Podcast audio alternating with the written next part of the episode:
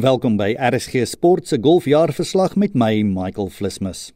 Ek sit tans in Mauritius by die Montchoisille Golfbaan vir die laaste professionele golftoernooi van die jaar, die Fraser Bank Mauritius Ope. Buite ons media sentrum is die bloedrooi van die vele koraalbome wat hier groei. Die plaashuis waarin die media die week werk is in 1820 gebou. Dit is 40 jaar voordat hulle die eerste Ope kampioenskap gespeel het. Die beroepsgolfers speel in kortbroeke die week want hierdie is mos golf op die eiland. Na sy eerste ronde golf het Dean Burmester nie Oefenbof toe gegaan nie. Hy het saam met sy familie met seeskilpaaie gaan swem. Dit was 'n lang jaar in wêreldgolf en dis tyd om asem te skep. JC Ritchie vang ook diepsee vis die week en Henny Otto braai.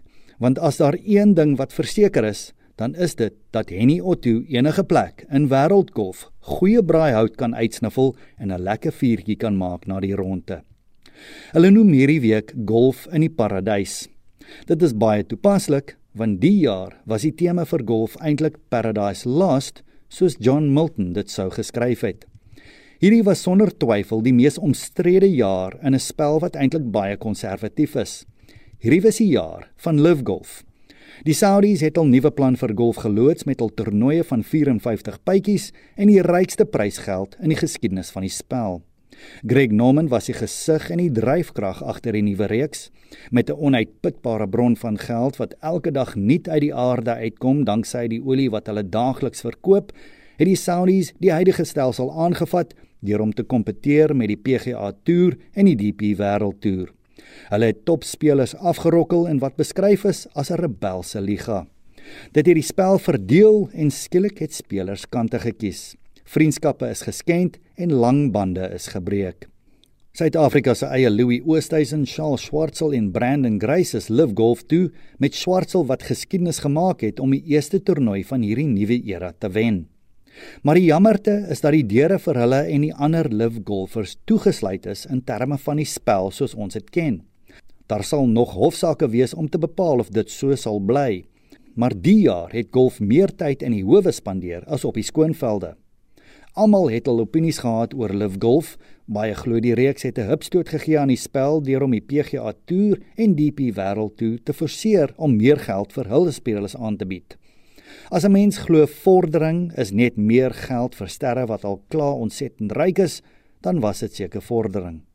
Maar daar is skade gedoen aan die sport en dit gaan iemand besonders vat om al die partye om 'n tafel te kry en te praat oor 'n pad vorentoe wat die bekleierery en kantkiesery tot 'n einde bring. Dale Hayes was een van die groot stemme in golf wat sy kommer oor die situasie gespreek het. Yeah, but it'll be very interesting. I think there're going to be a lot of lawsuits. And I don't think it's good for golf. I would love to have seen these people sit down with a DP tour, sit in a room with the PGA tour, and thrash it out because they, they could have found eight weeks that they could have fitted this thing in, and it could have benefited everybody in golf.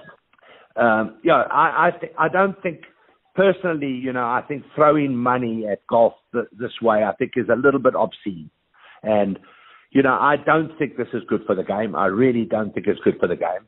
You know, to to to have this sort of stuff happening. Um, you know, in other sports, when things like this have happened, generally speaking, I know the IPL uh, cricket has been very successful, but in in other sports like boxing, for example, as soon as there are two uh, world championships or two big tours, uh, you know, one both of them seem to suffer. One doesn't seem to to thrive the way the PGA Tour has thrived over a very, very long time. And, you know, golf, I, for me, the way golf was going was brilliant. You know, we've seen uh, we've seen Tiger Woods, we've seen Phil Mickelson, we've seen Vijay Singh, we've seen Ernie Els, and we've seen great players coming out of the weirdest countries and and winning tournaments, and it's been really exciting uh, the way golf has been. So, you know, contrary to what Greg Norman says, I, I don't think there's been much wrong with golf. I really don't. It's a clean sport. It's uh, we've had very very few controversies in golf, and and overall, I, I think golf has been professional golf has been in very very good shape. Um, so I, I think this is this this is sad the way this has turned out, and I just hope that you know, over a period, maybe everybody will be able to get together and work something out. And, and uh, you know, we don't see people getting banned and everything because that's, that's not going to be good for anybody. Die majors die jaar het beslis iets anders opgelewer. Toe Scottie Scheffler die meesters gewen het, was hy golf se topspeler met 4 oorwinnings in 6 toernooie. Die golfwêreld het sy hart verloor vir 'n man wat sterk is in sy geloof en wat nog steeds 'n 10 jaar oue bakkie bestuur en wat sy pa vir hom gekoop het. Justin Thomas het die tweede major van sy loopbaan gewen in die PGA Kampioenskap waar hy 8 houe terug was met 10 pypies om te speel voordat hy gewen het in 'n dramatiese laaste ronde op Southern Hills. Matt Fitzpatrick het sy eerste major gewen in die Amerikaanse Ope en op dieselfde Brookline baan waar hy 9 jaar tevore die Amerikaanse amateurtitel verower het. En hierdie was ook die jaar van die 150ste Ope Kampioenskap. 'n Groot jaar vir die major wat toepaslik op die Old Course in St Andrews gespeel is. Cameron Smith het sy eerste major hier gewen. Uh, jeez, what a, what a week.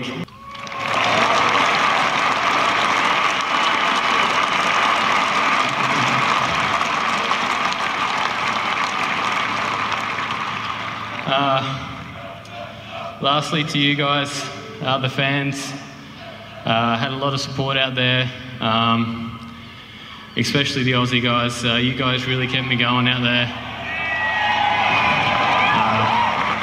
Uh, seemed, seemed like there was a lot, uh, a lot of you guys out there, um, kept me plugging away, and this one's for Oz. Thanks, guys. Suid-Afrikaanse golf het weer gepresteer met Trevor Immelman wat die kaptein was vir die internasionale span in die Presidentsbeker. Al het hulle teen Amerika verloor, bly dit tog merkwaardig hoe hierdie klein land van ons nog steeds met die grootste lande meeding in terme van die hoeveelheid Suid-Afrikaners wat wêreldwyd in alle dele van die spel presteer. Op die Sonskyn Tour hier in Suid-Afrika was daar ook baie om te vier. Die Sonskyn Tour het beslis gegroei en is tans op sy sterkste ooit met oor die 30 toernooie in 'n jaar, insluitend toernooie wat saam aangebied word met die Challenge Tour en die DP World Tour. Dit beteken dat daar nou meer kansse as ooit is vir Suid-Afrikaanse golfers om op eie bodem te speel en te wen en so op die DP World Tour te kom. Ons het dit wel gesien met nuwe gesigte soos Bryce Easton, Oliver Becker en Dion Germeshuis wat nou DP wêreldtoer kaarte het. In Amerika het Dean Burmester nou by Erik van Rooyen, Dylan Fratelli, Christian Besaidnout en MJ Duffy aangesluit as PGA toerlede. Tristan Lawrence het die jaar opslag gemaak met sy twee oorwinnings op die DP Wêreldtoer, insluitend die Investec SA Ope. Hy het ook die eerste Suid-Afrikaner geword om die toer se Sir Henry Cotton Nuweling van die jaar toekenning te kry. En James Kingston het die verdienste lys op die Legends Tour gewen, 'n toer vir golfers oor 50. Die Sonskyn Tour groei beslis en dit is nou glad nie ongewoond om in Sishen, Bloemfontein of Pretoria Amerikaanse, Engelse en talle ander internasionale aksente te hoor nie, soos meer en meer internasionale spelers die Sonskyn Tour begin speel omdat daar geleenthede hier is. Just a great place to play, right? The courses are great. The, the tour is really on the up uh, with all the new partnerships and all the new sponsorships. They're really doing a great job to giving us a, uh, a platform to play. Um, and I just love the travel. It's it's a growing tour, and I see a lot of opportunity out here. And the schedule is great. You play a lot of great courses, and I just feel like you're going to improve out here. So that's why I decided to come over and play. Yeah, it's very good tournaments around this area. I mean, I came here when I just turned pro, and I've been around for a few years now, and it's very good tournaments. People is very friendly. The other players have been very welcoming, which has been a lot easier for me as a foreigner. So overall, the organization of the tournaments is great, and I, I really enjoy it here. Yeah. Well, honestly, what I enjoy the most here is the golf because there's so many good golf courses. That's that's the first, and then I have a few friends that I've, I've made throughout the years here on tour, and yeah, hang around with them and, and, and play a lot of golf. Die pandemie is nou iets van die verlede en dit was wonderlik om weer toeskouers en al ons top sonskyn toer toernooie weer terug te hê. Die Nedbank Golf Uitdag toernooi was weer terug op die skedule en Tommy Fleetwood het sy titel hier op Sun City verdedig in 'n toernooi wat hy as kind in Engeland gekyk het. I had so many great memories uh, from this place already, and we've waited a long time before we could come back and play this event. Um, it meant so much to have my name on the ninth on the ninth walkway with you know, some of the greatest players of all time. Um, and yeah, I've put, I've put it on there twice. I sent a video to my dad who's who's back home. Um, you know, walking down the waterway because we always said I would love to be there, and I showed him it. And then first thing he wrote back was, "Let's get a second plate." So um, I can't wait to speak to him. And and yeah, just um, being in, you know, being being a winner again, it means so much to all of us. And um, yeah, it just it just felt great um, on the last one. I could finally uh, breathe. En hier teen die einde van die jaar het ons gekyk hoe Tristan Lawrence saam met die grootes van Suid-Afrikaanse golf sy naam op die Investec SA Ope trofee kerf en Okkie Strydom sy eerste DP Wêreldtoer toernooi in die Alfred Daniel Kampioenskap wen.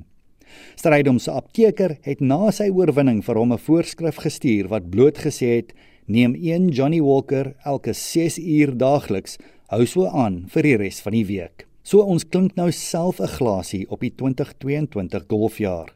Verskoon my as ek hier in Mauritius op die strand onder 'n palmboom my skemerkelkie drink.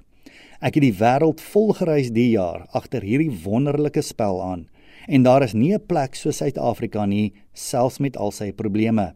Dis maar soos golf self. 'n Mens sal nie die skoonvelde waardeer nie as jy nie al in die sukkelveld 'n hou probeer speel het nie. En op daardie noot los ek dit vir Gary Player om vir ons almal te sê wat ons volgende stap moet wees, soos net die legende dit kan sê. Ja, ek is so uh so lief vir hierdie skoon land. Ons moet nou wikkel jong, ons uh, ons sukkel nou daar, ons is in moontlikheid, maar ek hoop uiteindelik sal alles regkom, maar ons moet ons moet wikkel. Ek is Michael Flismus vir RSG Sport.